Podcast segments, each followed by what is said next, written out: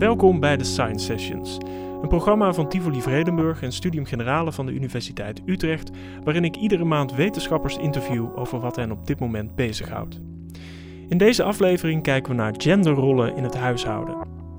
Want hoewel we anno 2020 denken dat we zeer geëmancipeerd zijn, blijken de rollen nog vaak traditioneel verdeeld als het om de zorg voor kinderen en het huishouden gaat. Is dit een eigen keuze of schuilt er meer achter? En welk effect heeft corona gehad op deze rolverdeling? Daar ga ik het vandaag over hebben met Mara Jurks, socioloog aan de Universiteit Utrecht. Mara, welkom. Dankjewel. Hoe gaat het met je? Ja, goed. Ben je nog steeds thuis aan het werken? Ja, wij zijn in principe allemaal nog steeds zoveel mogelijk thuis aan het werk. En hoe maar bevalt dat? Ja, op zich een beetje gemeend. Ik, ik mis mijn collega's en ik mhm. mis uh, de studenten. De contact met studenten is natuurlijk echt, vind ik zelf noodzakelijk als onderdeel van het onderwijs. Ja. Uh, maar ik woon in Amsterdam, dus uh, dat scheelt even in de forensen. Dus dat maakt het voor mij een stuk makkelijker. Dus je hebt vandaag een leuk uitstapje naar Utrecht gemaakt. Ehm, we gaan het zo hebben over de invloed van de coronacrisis op, uh, op de werk-privébalans bij mannen en, en, en, vrouwen en de rolverdeling tussen mannen en vrouwen. Dat heeft natuurlijk grote invloed gehad. En mensen werken thuis, uh, um, mensen werken bijvoorbeeld in cruciale beroepen. Maar laten we het eerst eens hebben over die, de huidige situatie, laten we zeggen pre-corona. Um, wat typeert volgens jou de rolverdeling tussen mannen en vrouwen in Nederland? In Nederland, ja, dat is goed. Uh, in principe zie je dat uh, mannen over het algemeen voltijds werken en vrouwen grotendeels in deeltijd. Ja. Uiteraard zijn er ook mannen die in deeltijd werken, maar dat zijn grotendeels uh, mensen die wat jonger zijn, tussen de 16 en de 24. veel studenten, ja. uh, veel mensen die net zijn afgestudeerd. En mannen die misschien tegen de pensioenleeftijd aanzitten, dus 55 tot 64. Uh, wat ook typerend is voor Nederland, maar ook voor veel andere landen, is op het moment dat kinderen komen, ehm, dat vrouwen minder uren gaan maken en mannen meer. Hm. dus werkten mannen misschien 36 uur, dan zijn ze geneigd om 38 of 40 te gaan werken. En als vrouwen voltijds werken, gaan ze minimaal één of twee dagen terug in hun werktijd. Uh, wat we ook zien is dat vrouwen nog steeds altijd meer doen in het huishouden en in de zorg voor kinderen, maar ook in mantelzorgtaken uh, dan mannen. Uh, dat mannen iets langere werkweken dus maken en daardoor ook minder tijd uh, en kansen krijgen om te zorgen voor kinderen of in de mantelzorg. En hoe, hoe, hoe, hoe is dat dan in andere landen om ons heen? Is dat heel ja. anders? Ja en nee. Hmm. dus als wetenschapper is natuurlijk nooit een makkelijk zwart-wit antwoord te geven. Uh, Nederland is wel kampioen deeltijd. Je noemde het zelf ook al. Er zijn een aantal andere landen hier in Europa waar de deeltijd onder vrouwen ook heel hoog ligt. Zwitserland, uh, Groot-Brittannië, Duitsland, uh, verder weg Australië is ook, uh, werken er veel mensen in deeltijd. Maar in heel veel landen zijn die deeltijdmogelijkheden er niet of zijn ze heel beperkt. Ja. Bijvoorbeeld in Zuid-Europese landen ehm, of in Frankrijk waar er echt een heel ander soort uh, arbeidscultuur is qua werkweekomvang. Um, maar de, de ongelijke verdeling van betaald werk, zorgtaken en huishoudelijke taken en ook verschillen in vrije tijd. Dat uh, is op zich wel een vrij algemeen trend wat je ziet. Ja. De, dus die zie je niet alleen in Nederland, maar die zie je ook in, ook in andere landen. Ook in andere landen. De omvang daarvan, hè, dat, dat, dat is echt wel anders. Bijvoorbeeld in een aantal Scandinavische landen zoals Zweden, Denemarken, maar ook IJsland.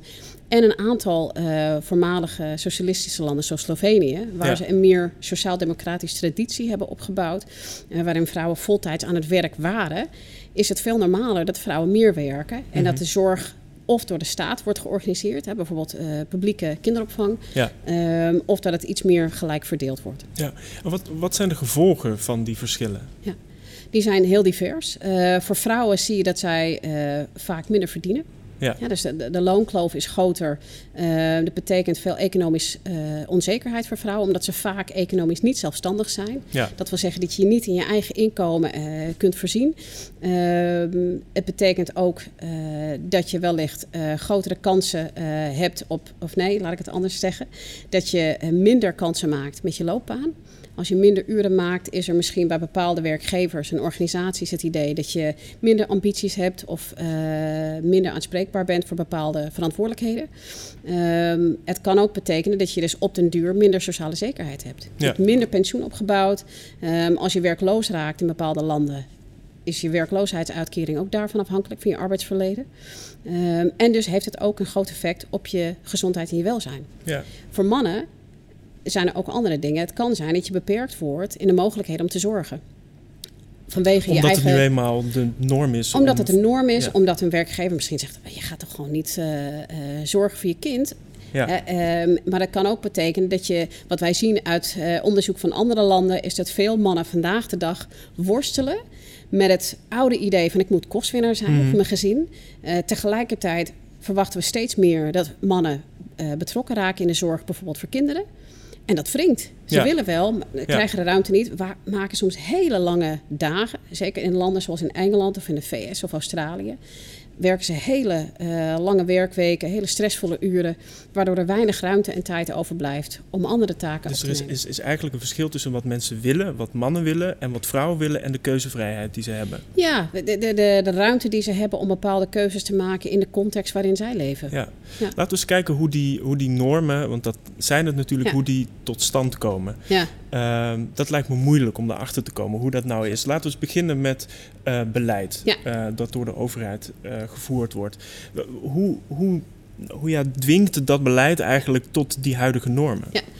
Dat is een, een, uh, een hele moeilijke kwestie om inderdaad uit te pakken van wat is. Hè, dat is echt gewoon kip-en-ei verhaal. Beleid en gedrag, ja. gedrag en beleid. Uh, er is ook veel onderzoek naar gedaan, uh, veel meer door andere mensen, sociologen, politicologen bijvoorbeeld, van volgen attitudes beleid of is het andersom? Ja. Over het algemeen, uh, collega's van mij hebben in het verleden daar onderzoek naar gedaan. Kun je zeggen dat beleid wat al langer bestaat, 20, 30 jaar, wat al heel erg ingebed is, dat mensen de neiging hebben om dat ook te onderstrepen. Dat die attitudes in lijn zijn, die normen zijn in lijn met het beleid. Voor onderwerpen waar er nog een gebrek aan beleid is, en 15, 20 jaar geleden, met betrekking tot werk- en privécombinaties, was dat in Nederland ook wel zo. Zie je dat de normen van anderen veel meer van invloed kunnen zijn en dat beleid daarop reageert.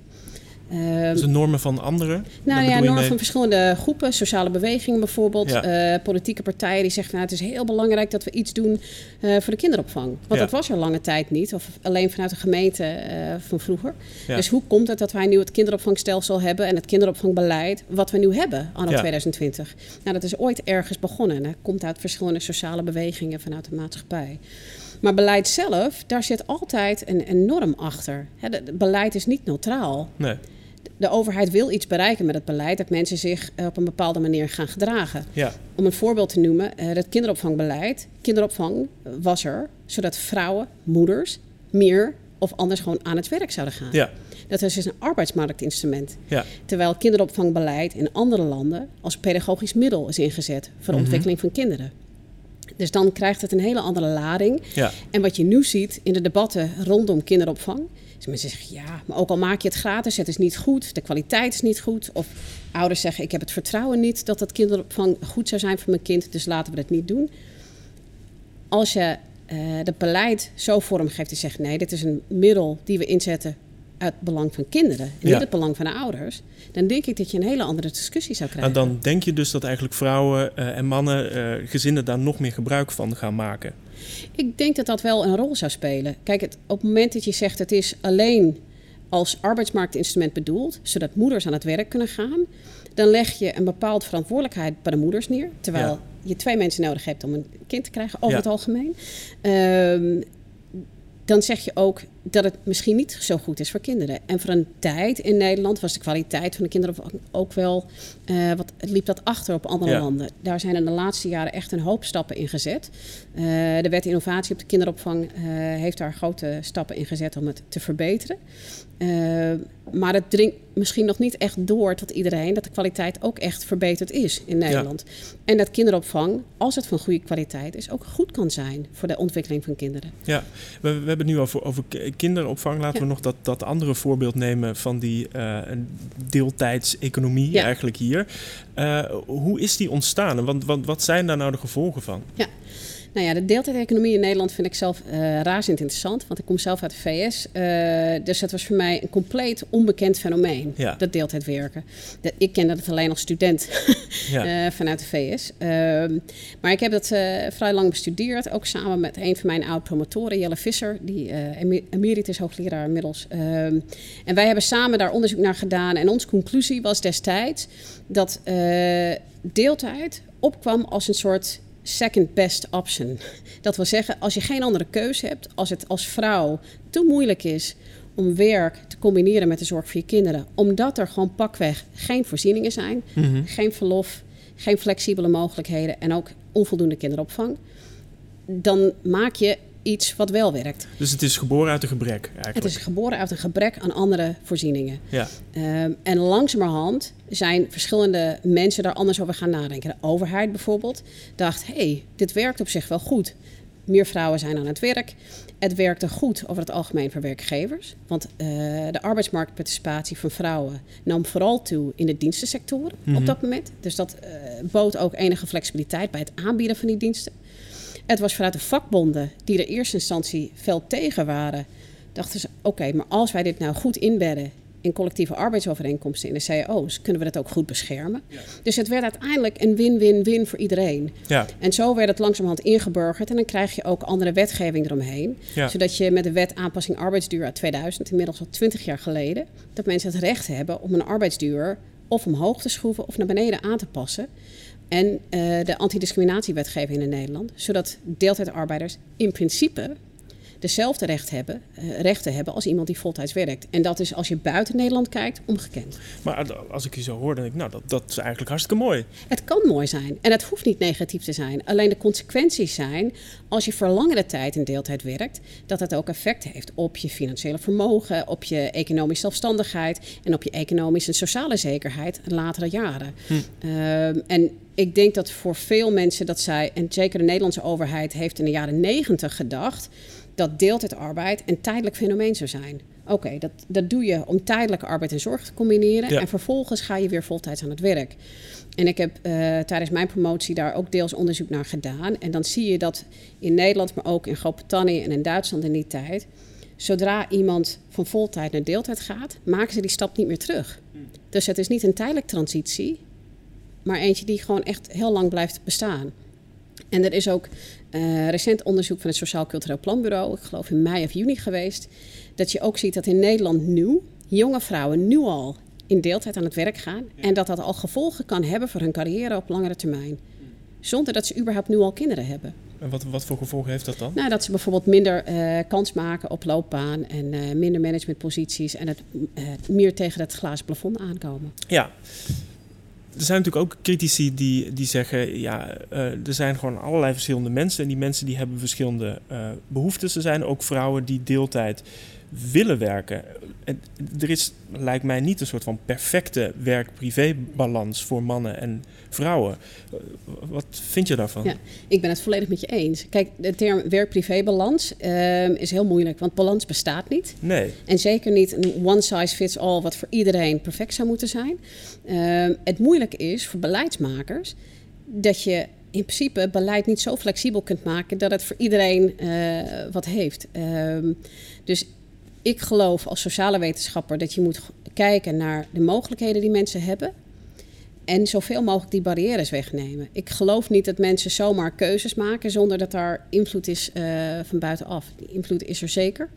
Um, en, de, en de vraag is op het moment dat iemand zegt, maar ik wil graag in deeltijd werken. Dat geloof ik, mm -hmm. zeker. Uh, maar zijn zich ook van bewust wat de langetermijn gevolgen zijn. Ja. Als voorbeeld, ik heb uh, jaren geleden onderzoek gedaan uh, onder moeders die uh, minder waren gaan werken, bijvoorbeeld, om arbeid en zorg te combineren. En toen zei ik, ja, maar hoe, hoe kwam die beslissing tot stand? Nou, ja, een aantal zeiden van ja, ik dacht eerst dat ik voltijds wilde blijven werken, maar toen kwam het kind en dat kon ik niet over mijn hart verkrijgen om voltijds weer aan het werk te gaan. Ja. En dat kon ik me wel permitteren, want mijn vriend die werkt voltijds en wij kunnen dat wel prima wel redden. En als je dan heel voorzichtig zegt, maar stel voor dat de relatie uit zou gaan. Ja. Maar dat gaat mij niet gebeuren. Ja. En dat wil je natuurlijk zelf ook niet geloven, dat je in een situatie terecht zou komen waarin je relatie uitgaat. Ja. Maar het feit is wel dat ongeveer de helft van de relaties op den duur ook wel uh, op een gegeven moment wel uit elkaar gaat. Precies, dus op het, op het moment dat ze die keuze maken om deeltijd te, te gaan werken, hebben ze nog niet in hun hoofd die gevolgen die dat kan hebben als een relatie uitgaat. Dat kan dus uh, stevige financiële gevolgen hebben. Zeker. Dat is eigenlijk wat je zegt. En het kan ook zijn dat je, uh, kijk, wat wij, een van de dingen waar we niet zo goed zicht op hebben, is ehm, je maakt een beslissing wat op korte termijn goed voor je is en wat bij jou past. Maar je leven, dat verandert continu. Hmm. Dus je weet niet of dat over een jaar of over vijf jaar nog steeds bij je past. Als je kijkt bijvoorbeeld naar mantelzorg. Uh, mensen hebben veel meer nu uh, dat zij voor een zieke ouder moeten gaan zorgen. Bijvoorbeeld iemand met dementie. En op het moment dat dat probleem zich voordoen, zegt iedereen natuurlijk, ik ga ervoor, ik ga helpen. Ja. Maar dat is een ziektebeeld wat alle kanten op kan gaan. Dus je weet niet op het moment dat jij toezegt van oké, ik ga zorgen. Zes maanden later zit je met een heel ander ziektebeeld, een hele andere verantwoordelijkheden. En een jaar later, een anderhalf jaar later. En dat maakt het heel moeilijk om voortdurend te weten van ja, maar wat past nou voor mij qua werk en afstemmen met mijn werkgever, et cetera. En dat maakt het ook heel moeilijk om daar goede beleid op te maken. Ja, ik, ik heb het nog niet genoemd, maar het uh, onderzoeksproject dat jij uh, uh, doet, dat heet Capable. en daarin onderzoek je welk beleid bijdraagt aan gelijkwaardige work-life balance voor mannen en vrouwen. We gaan het straks nog hebben over die beleidsvoorstellen. Um, maar laten we nog wat dieper op dat onderzoek ingaan. Want jij baseert je op de Indiaanse econoom Amartya Amartya Sen. Ja. Eh, kun je eens wat over hem vertellen? Wat, wat, wat maakt zijn ideeën zo, zo aantrekkelijk voor jouw onderzoek? Ik denk dat het, uh, zijn ideeën aantrekkelijk zijn voor heel veel mensen. Het, het is heel aanspreekbaar omdat het vrij breed en abstract is. En dat maakt het ook gelijk heel moeilijk hmm. voor de uitvoering uh, met onderzoek. Um, wat ik zelf heel aanspreekbaar vind, is dat het idee ervan uitgaat dat je uh, dat vrijheid en dan echte vrijheid belangrijk is. Dat wil zeggen, hebben we echt dezelfde kansen als mannen en vrouwen om werk met allemaal dingen buiten ons werk om te combineren. Hm. Ehm, en het mooie is zijn onderzoek, um, als ik het goed ga uitleggen, hij, hij op een gegeven moment kijken van wat is er. Um, er was enorme droogte in een uh, bepaald deelstaat van India. En hoe komt het dan dat er uh, onvoldoende voedsel is? Nou, dat kan je dan snappen als er een context is van extreme droogte. Ja. Maar hoe kan het dan zijn dat er op een gegeven moment dat heel veel mensen sterven als er geen sprake is van extreem droogte? Dat er meer dan genoeg voedsel was in India op dat moment. Nou, zo is hij verder gaan zoeken. Um, Ingrid Robijns, hoogleraar filosofie aan de Universiteit mhm, Utrecht, die geeft een van de uh, meest sprekende voorbeelden, vind ik zelf. En dat is dat je kunt zeggen van oké, als wij mensen allemaal dezelfde kansen willen geven, dan kunnen sommige, zullen sommige mensen zeggen, geef iedereen hetzelfde, dezelfde startpositie. Dus wij willen dat iedereen mobiel wordt. En ik geef jullie allemaal een fiets. Nou, mhm. we hebben allemaal dezelfde kansen. Nee. Want het kan zijn dat je slechte gezondheid hebt. Je hebt een gebroken been. Dan, kun je niet, dan kun je geen gebruik maken van die hulpbron, die, die fiets, waardoor je mobiel zou moeten uh, worden. Of het kan zijn dat jij in een vriendengroep zit uh, en denkt, ah, je gaat toch niet fietsen, dat is zo suf. Ja, ja, dus dat, dat je peer, peer pressure. Peer pressure, normen om je heen. Of het kan zijn dat je ergens woont waar er geen fietspaden zijn en modderige zandwegen. ja, mhm. dan kun je ook geen gebruik maken van dat soort dingen. Hetzelfde geldt als je dat toepast op het idee van arbeid en zorg. Kinderopvangtoeslag, hè, wat ouders moeten aanvragen als zij geld willen krijgen uh, via de Belastingdienst van de overheid uh, om de kosten van kinderopvang gedeeltelijk te betalen. Dat kun je aanvragen. Maar het kan zijn dat je ZZP'er bent. En dat je denkt, ja, ik heb wel recht daarop.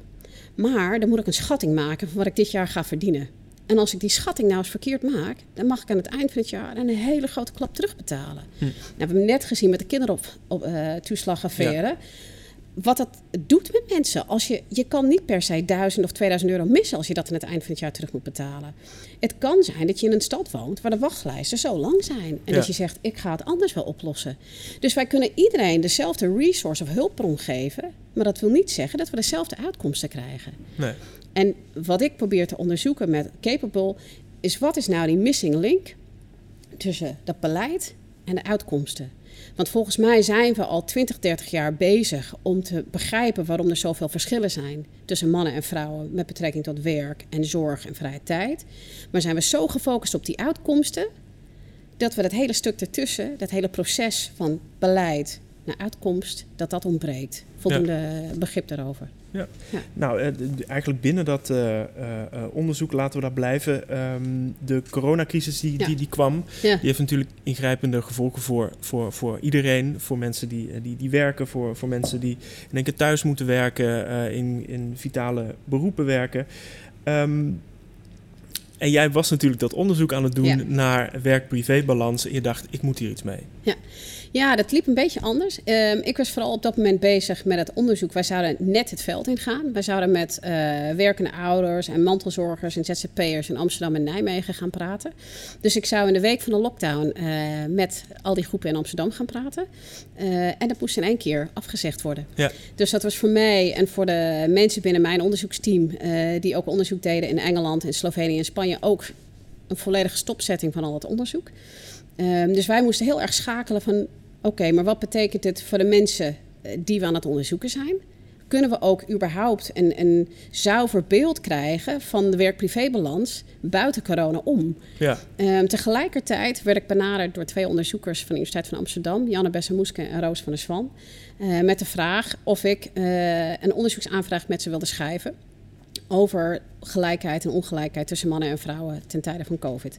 Dus daar zijn we aan begonnen, ook samen met Paul de Beer. En toen kwam Stephanie André van de Radboud Universiteit. Die zei, hey, wij zijn bezig met een onderzoeksaanvraag voor Odyssey, dat, uh, uiteindelijk uh, die het gefinancierd heeft. Uh, wil je meedoen? En toen zei ik van, nou, wij hebben ook al een ander team. Zullen wij gewoon samen wat gaan doen? Ja. Dus zo is het gekomen dat we met z'n negenen een onderzoeksaanvraag hebben geschreven. En wij zaten met het idee dat enerzijds werden vanuit de media en de politiek uh, en wetenschappers een zorg uitgesproken van er is al een ongelijke verdeling van werk en zorg. En als je nou alles afpakt, kinderopvang, school en veel mensen moeten thuiswerken, dan kan het zijn dat die ongelijkheid toe gaat nemen. Ja. Dat vrouwen meer zorgtaken op zich gaan nemen, de, de thuisscholing, huiswerkbegeleiding, et cetera. Of mantelzorgtaken, omdat het nu ook wegvalt. Maar het zou ook anders uit kunnen betekenen dat er iets meer sprake is van gelijkheid. Want we weten dat vrouwen oververtegenwoordigd zijn in de cruciale beroepen. Zoals de gezondheidszorg en onderwijs, waar bijvoorbeeld uh, uh, nog steeds ook onderwijs werd gegeven uh, in noodlocaties.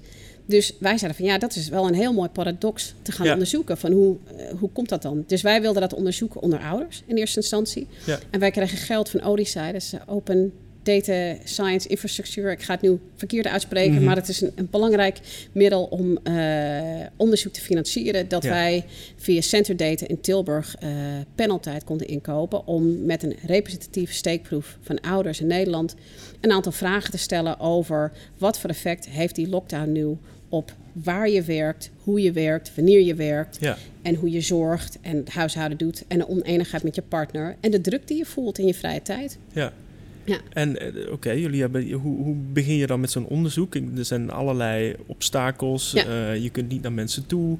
Uh, hoe, hoe, hoe, hebben jullie dat onderzoek opgezet? Nou, dat is op zich wel het, het makkelijkste gedeelte, eerlijk gezegd. Um, Center Data in Tilburg heeft een heel langlopend panel. Dat wil zeggen dat je dezelfde mensen over een langere periode volgt. Um, en zij vullen dat allemaal in online. Ja. Dus dat was er al. En dus wij moesten een vragenlijst ontwikkelen. Uh, daar was het moeilijkste. Uh, je beperken tot de hoeveelheid minuten die je hebt. dus je kunt niet alle vragen stellen die je wilt stellen. Uh, dus nou ja, we hebben heel veel samengesproken over wat moet er absoluut in en wat is een wens, wat er misschien niet meer in kan. Ehm, het fijne is dat nu wij die ene meting hebben gedaan in april, dat wij geld hebben gekregen van de faculteit Sociale Wetenschappen aan de Universiteit Utrecht om nog drie metingen te doen. Dus eentje is net afgerond in juli. En wij gaan over anderhalve week weer het veld in voor september. En wij kunnen ouders en ook mensen zonder kinderen nog een keer bevragen in november. Ja, oké. dus je had eigenlijk twee hypotheses. Je had er een, of nou ja, een vrij ja. uh, paradoxale hypothese. Ja. Dus de ene is het kan zorgen voor meer ongelijkheid. En de andere het kan zorgen voor meer gelijkheid. Want mannen die zijn thuis en kunnen misschien meer van die zorgtaken op zich Precies. nemen. Uh, wat waren jullie eerste bevindingen? Ja, er zijn veel, uh, maar er zijn eigenlijk denk ik drie hoofdbevindingen. Het eerste is dat een aantal ouders het echt heel enorm zwaar hebben gehad in de lockdown. We zagen dat uh, heel veel ouders meer werkdruk hebben ervaren. We zagen dat ouders veel meer in de avonduren hebben gewerkt en in de weekenden. Uh, maar het tweede is dat we zagen dat dat ongelijk was verdeeld over moeders en vaders. Dat moeders meer werkdruk hebben ervaren dan vaders.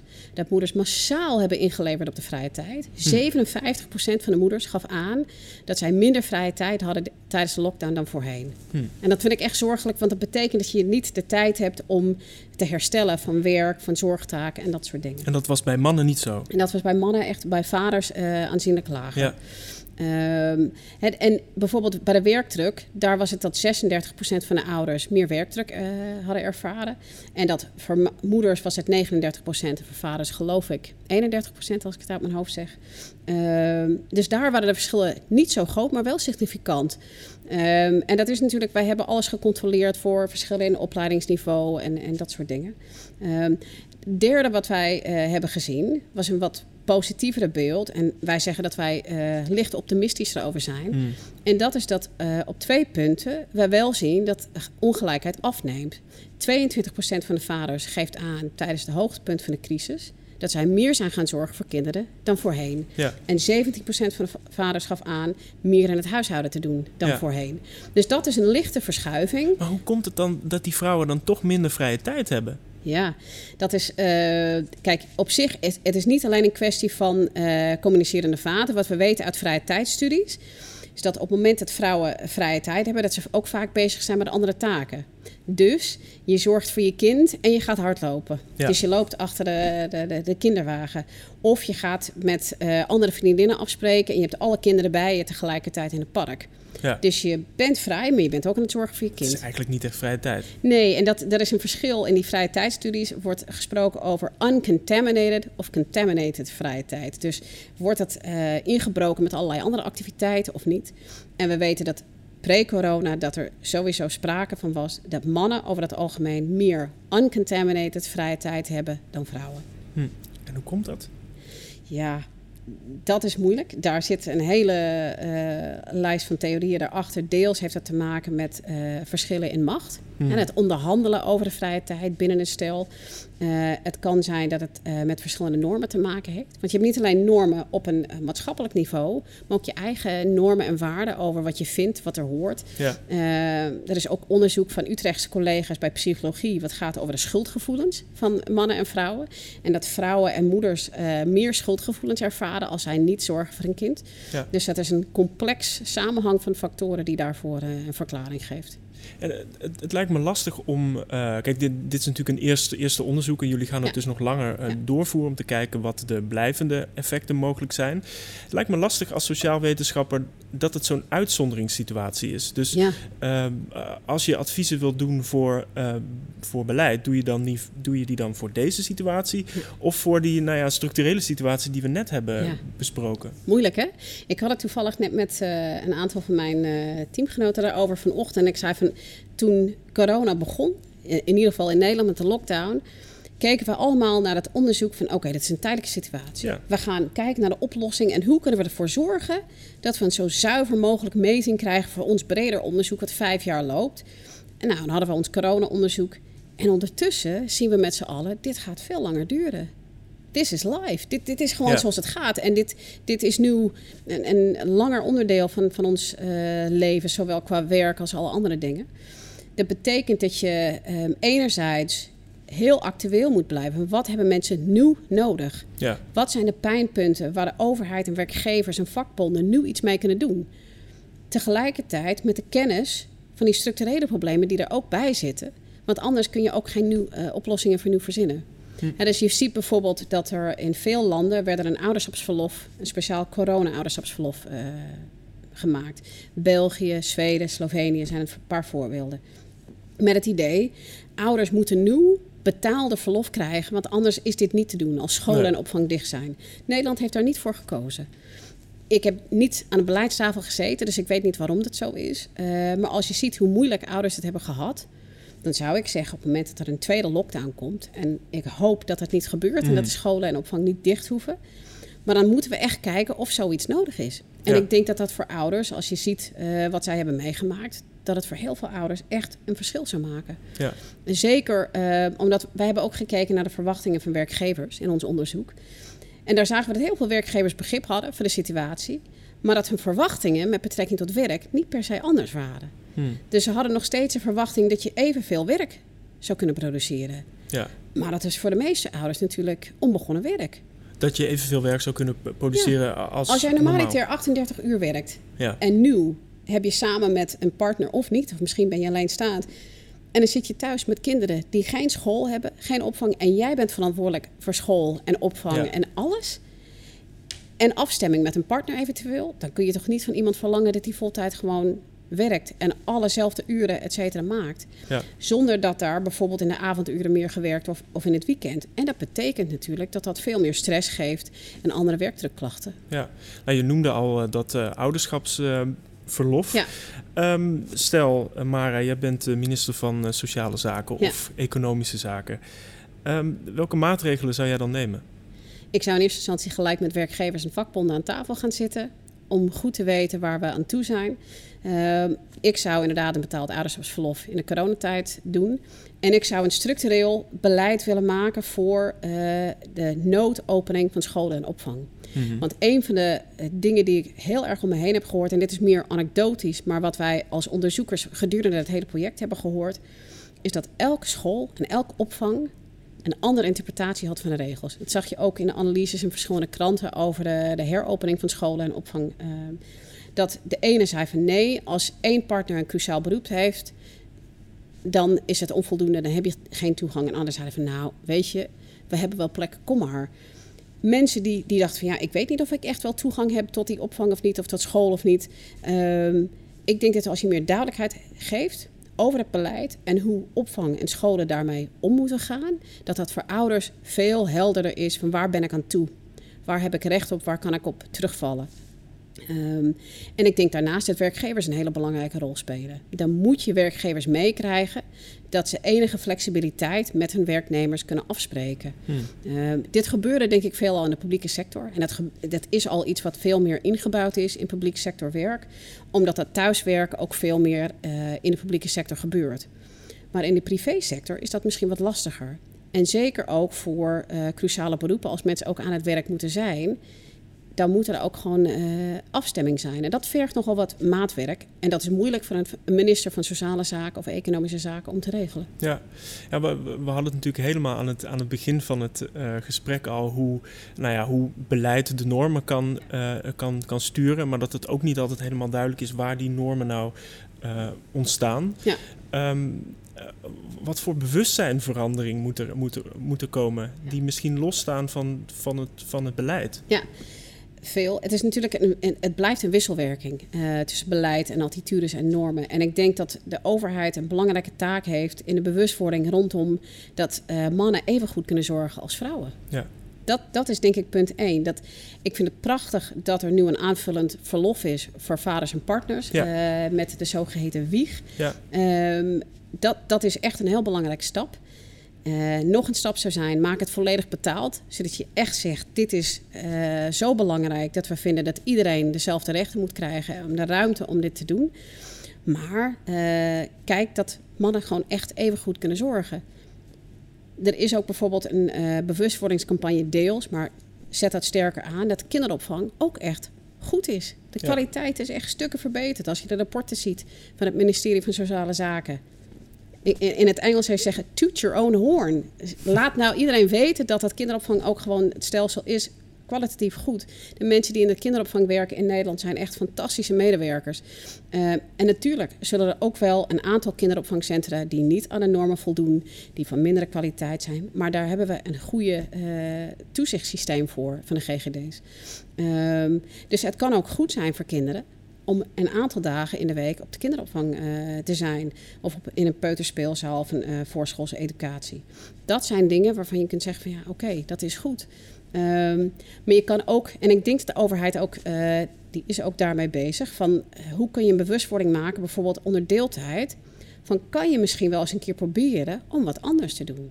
Uit verschillende sectoren, het onderwijs, de zorg. Hoe kunnen we nou ervoor zorgen dat er voldoende mensen zijn nou ja, laten we ermee een beetje gaan spelen. Hoe is het als vrouw als je nu ineens van 16 uur naar 20 of 24 gaat, of mhm. van 24 naar 32? Is er ruimte? Kunnen we dat inbouwen? En dat is het voortdurend gesprek houden met werkgevers, vakbonden, werknemers, et cetera. Ja. Tot slot, heb je nog uh, tips dus, uh, voor, voor, voor stellen die, die het eigenlijk thuis nou ja, wat meer gebalanceerd willen doen, maar het lukt niet helemaal? Ja, kijk, dat vind ik deels lastig, want ik wil niemand vertellen hoe ze het moeten doen als wetenschapper. Um, wat, wat ik wel trouwens interessant vond, is dat wij zagen dat de meeste stellen niet meer oneenigheid met elkaar hadden tijdens corona in de lockdown. Hm.